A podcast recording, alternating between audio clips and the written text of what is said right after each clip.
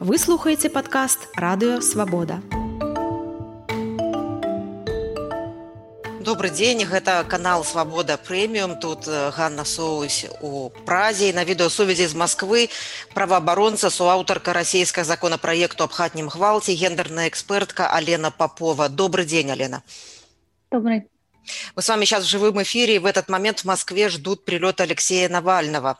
И его возвращение – это хорошее, хороший способ, хорошее напоминание о том, что сделала белорусская лидерка Мария Колесникова, которая не позволила себя вывести из страны, вернулась из помежного, из э, пограничного перехода, зная, что ее в Беларуси ждет тюрьма. А, и я хотела бы сейчас э, напомнить, что вы, Елена, в соцсетях несколько дней назад, назад признавали российское общество не забывать про белорусскую политзаключенную, одну из лидеров белорусской оппозиции Марию Колесникову.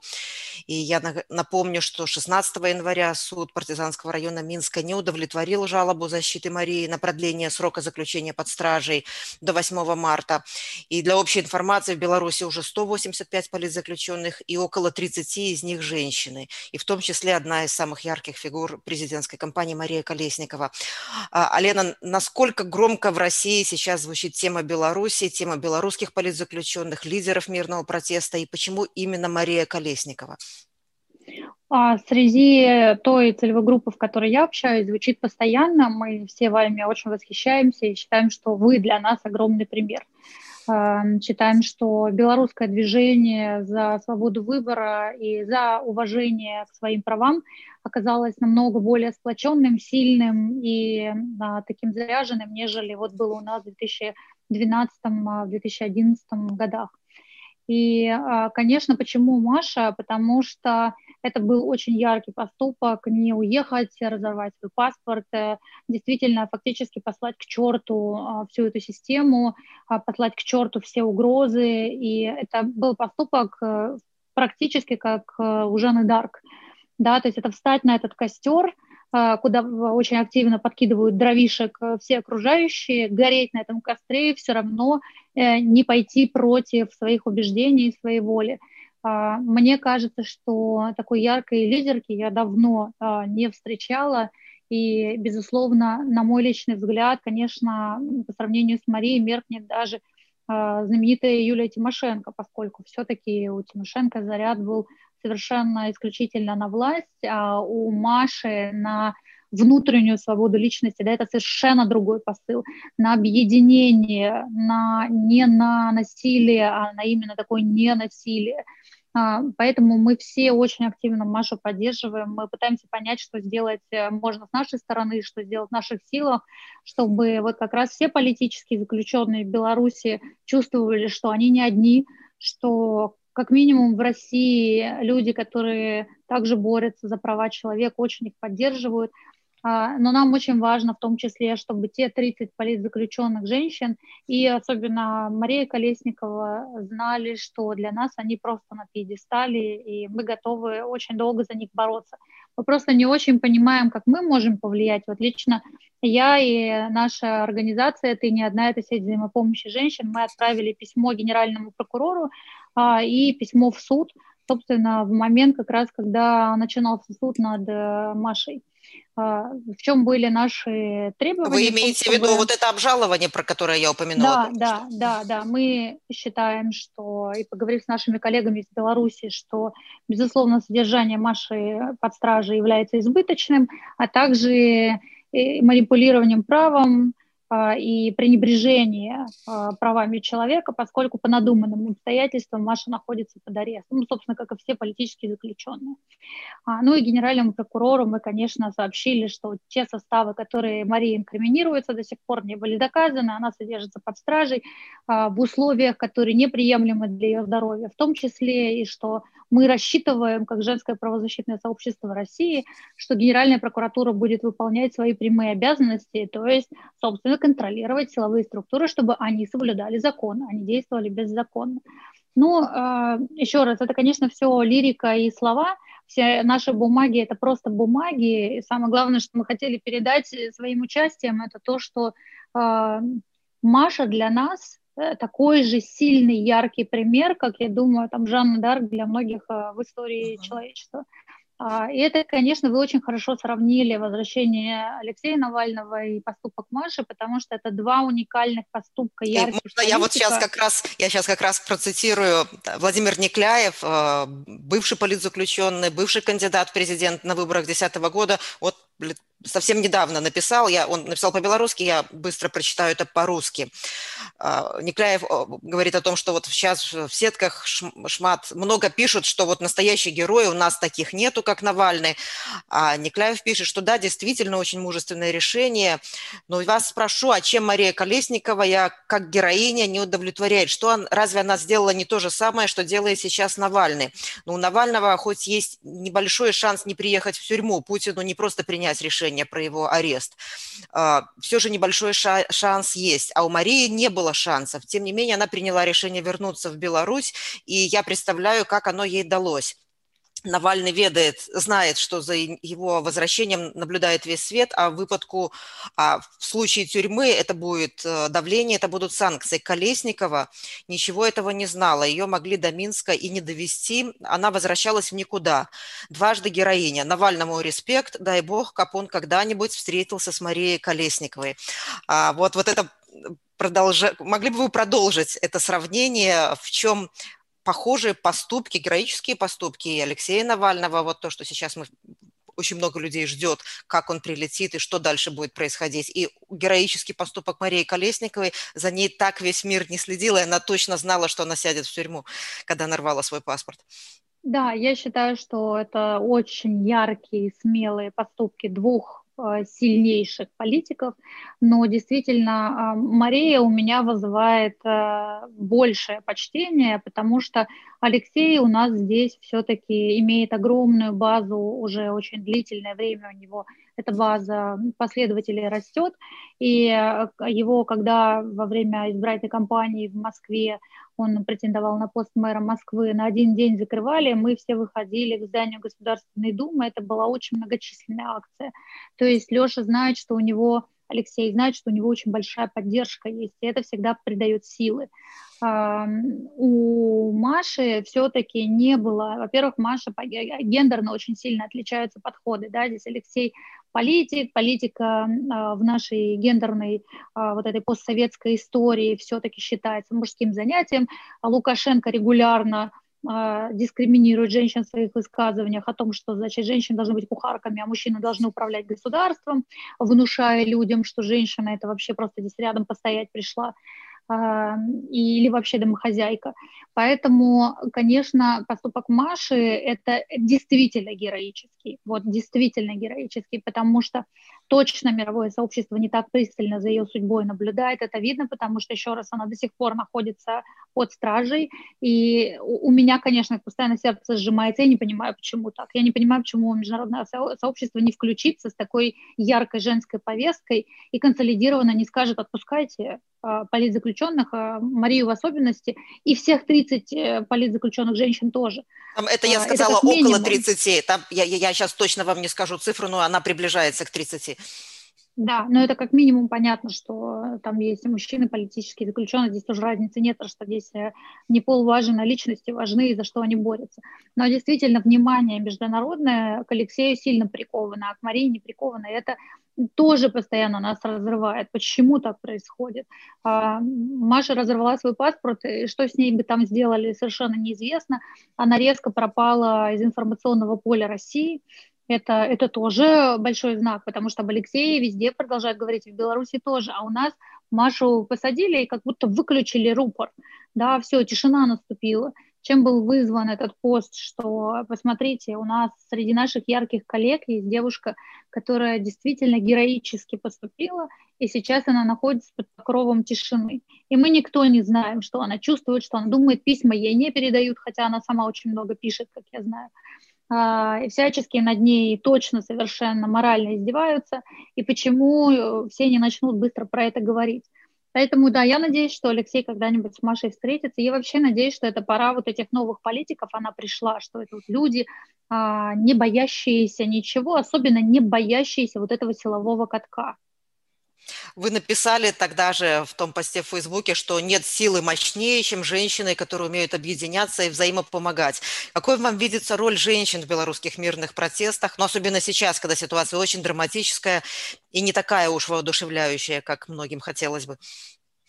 А, вы меня восхищаете, низкий поклон. А, я считаю, что мы, когда выходили к белорусскому посольству в Москве, и среди нас стояли женщины белорусские. И они такие стихи читали, они такие песни а, пели, они так себя вели достойно, что мне все время казалось, что мы стоим с какими-то глыбинами, вот моральными. То есть это женщины с остальным позвоночником, огромной силой воли, горящими глазами и большой идеей, ради которой они там стоят.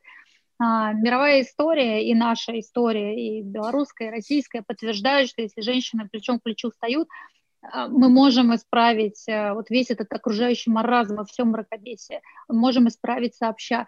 Поэтому, когда я вижу, как женщины не боятся, как они а, ведут блоги, помогают а, заключенным, разводят э, передачи, находят адреса, где люди содержатся, помогают в агитации, участвуют в этих акциях, а, и что это все не прекращается, и несмотря на вот этот флер и фон, когда там Лукашенко восседает на троне, значит, надев э, себе пожизненную корону, э, не болезнь, а который же предмет, помещающийся на голове э, царя, а, это очень важно, потому что женщины, в отличие от мужчин, как я вижу, никогда не, не делают шаг назад. То есть у них есть идея, у нас у всех есть идея того, что мы хотим жить в другом будущем, отличающемся от вот этого мракобесного настоящего. Поэтому я знаю очень многих женщин, и нам очень многие писали, когда протесты начались, и сейчас очень многие пишут. И когда что-то можно сделать, а, эти женщины очень правильно формулируют, а, что мы можем сделать, как мы можем сделать, зачем им это нужно, чтобы мы сделали,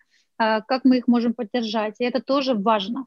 То есть они знают, какая сила нужна еще, чтобы у них появились возможности сделать что-то большее. Но а, я бы восхитилась, мы на самом деле все в России говорим, что а, вот в нашем женском правозащитном сообществе, что если бы мы вот так выходили, у нас уже был бы закон о домашнем насилии, закон против домогательств, Слуцкого бы выгнали, это депутат, домогался до журналисток, а, выгнали бы из Государственной Думы, вообще бы система изменилась. Но мы почему-то так не можем. Мы так массово, женщины, мы так не делаем. И это нас с вами очень сильно отличает. У нас Знаете, вот я хотела как раз вот по поводу закона о домашнем насилии, что сказать. Философ Ольга Шпарага, возможно, вы ее знаете, она тоже была арестована во время мирных протестов и была вынуждена покинуть Беларусь. Сейчас она отвечает за вопросы образования в офисе Светланы Тихановской. Недавно она написала, что вот активное участие женщин в мирных протестах в Беларуси совсем не означает, что в случае победы тот же закон о домашнем насилии будет принят. А вот белорусская гендерная экспертка Ирина Соломатина, вы, я думаю, тоже ее знаете хорошо, часто повторяет, что вот в женских протестах в Беларуси нет женской повестки повестки. Что вы думаете про необходимость этой именно, именно женской повестки на этом этапе протестов в Беларуси? Или сейчас цель значительно более широкая стоит, и она ну, не так артикулирована просто? Я думаю, что э, у вас сейчас стоит самая главная цель, ту, та цель, которая у нас была в 12 и в 11-12 э, году, это цель свободы внутренней и внешней, чтобы будущее изменилось в лучшую сторону. И потом, я думаю, что эта гендерная повестка или женская повестка обязательно появится, потому что очень много участвует э, в этих протестах женщин, наших э, соратниц, союзниц. И я знаю много соавторов законопроекта о домашнем насилии в Беларуси, которые тоже участвуют. Поэтому, э, конечно, просто сейчас такая сложная ситуация, и борьба с диктатурой, она всегда мне кажется, диктует необходимость объединиться вокруг двух-трех идей. Здесь как раз есть две идеи. Здесь фальсифицированные выборы и необходимость э, свободы и справедливости. Да, и ради вот этих э, двух-трех идей э, люди объединились. Это очень важно. Это лучше сейчас не сегментировать. А сто процентов все, кто, кого я вижу, за кем я наблюдаю, там, или, или не все, конечно, абсолютное большинство, это люди, которые выступают против насилия. Поэтому, безусловно, это потом станет на повестке дня, я уверена, станет с позитивной стороны. А, я хотела, чтобы вы высказали свою точку зрения, свою оценку той роли, которую играет сейчас лидерка Светлана Тихановская. Все видят, какой большой путь она прошла с мая прошлого года из домохозяйки, которая просто решила поддержать арестованного мужа, и, ну, она стала просто настоящей лидеркой, которая на равных беседует с мировыми лидерами. Но при этом она не традиционный политик, а ну, она не говорит общими фразами в ней, а, осталась от обычного человека, что она всегда подчеркивает. И это вот Лукашенко и Тихановская, даже посмотреть, если их новогодние обращения, то это очень ярко видно, что это такое настоящее и прошлое по многим параметрам. Какая ваша оценка роли Светланы Тихановской? Что бы вы ей пожелали, возможно, посоветовали бы? О, мне Светлане нечего советовать, потому что она просто великолепный пример человека, который э, берет и не бросает начатое. Идет, э, даже несмотря на ту тьму, которая ее окружает. Я ей восхищаюсь, я смотрела ее интервью с э, Ирой Шихман, нашей коллегой, и я даже писала об этом, что я вообще малоэмоциональный человек, но э, какую-то часть интервью я просто рыдала, сидела. То есть рыдала, потому что это искренность, которая есть в свете, абсолютно не политизированная, а, не вот эта прагматичная искренность, которая есть у лидеров политиков сейчас э, во всем мире, и особенно в нашем постсоветском пространстве, она, конечно, очень большое дело большой результат имеет. А, и Светлана, мне кажется, это уникальный лидер, уникальный потому, что она какая-то вот эта мать вселенная, да, то есть у нее вот это материнское начало, ей веришь, э, хочется ее поддержать, абсолютно не агрессивная и при этом очень сильная. Вот это важная вещь, которую я хочу подчеркнуть, абсолютно не агрессивная и абсолютно сильная, потому что в мире маскулинности и вот этой предписанности агрессии – Светлана отличается тем, что ее сила в абсолютном ненасилии. А, это просто круто. Я не то, что посоветовать, я просто выписываю какие-то вещи себе на стенку вешаю, смотрю и думаю, да, нам тоже так надо. А мы сейчас в живом эфире, и у нас вот где-то несколько минут была плохая, видимо, интернет-связь, и вас не было видно, сейчас вы, сейчас вы вернулись. А, я хотела еще спросить о том, вы уже начали про это говорить, какие уроки, какие выводы а, российское демократическое сообщество, российское движение за гендерное равенство делает сейчас из мирных протестов в Беларуси? Что, что для вас важно? Что, что вы хотели бы повторить, а, а что, чего, может быть, избежать? Ну, а у нас же оно очень раздроблено, вообще оно это, то есть мы все раздроблены, и в этом наша большая проблема. Так что вот что хочется повторить, это научиться объединяться. А чего хочется избежать? Избежать хочется страха, но у вас в Беларуси страха нет никакого, ни у кого. Поэтому это скорее наши личные уроки. Мы очень часто задаемся себе вопросом, откуда у нас, вот в нас, в нашем поколении сидит генетический страх. А, с чего вдруг он нам передался, потому что там у меня репрессированная семья, расстрелянная, ну, то есть э, культивировали мои родители, что свобода это то, за что вообще-то не страшно и умереть. А, но этот страх какой-то внутренний, нет этого страха у моих родителей, бабушки у моей нет, которой 90 лет, а у меня он почему-то, видимо, есть. А несмотря на то, что я выхожу на акции участвую во многих акциях, все равно это где-то внутри сидит. Это, вот этого очень хочется избежать. Это такая большая работа над э, над собой, которое, мне кажется, необходимо многим-многим нам. А, так что повторить, еще раз а, скажу, самое главное, чего хочется, это вот объединяться до такой степени, а, чтобы никакие внешние обстоятельства не повлияли на вот этот распад единой конструкции. Дзякуй вялікі гэта была алена папова расійская праваабаронца адна з суаўтарак закону аб хатнім гвалце гендерная экспертка дзякуй вам вялікі усяго найлепшага Гэта быў падкаст радыёвабода. Слухайце нас на ўсіх падкаст-платформах і на сайце свабода кропка орг.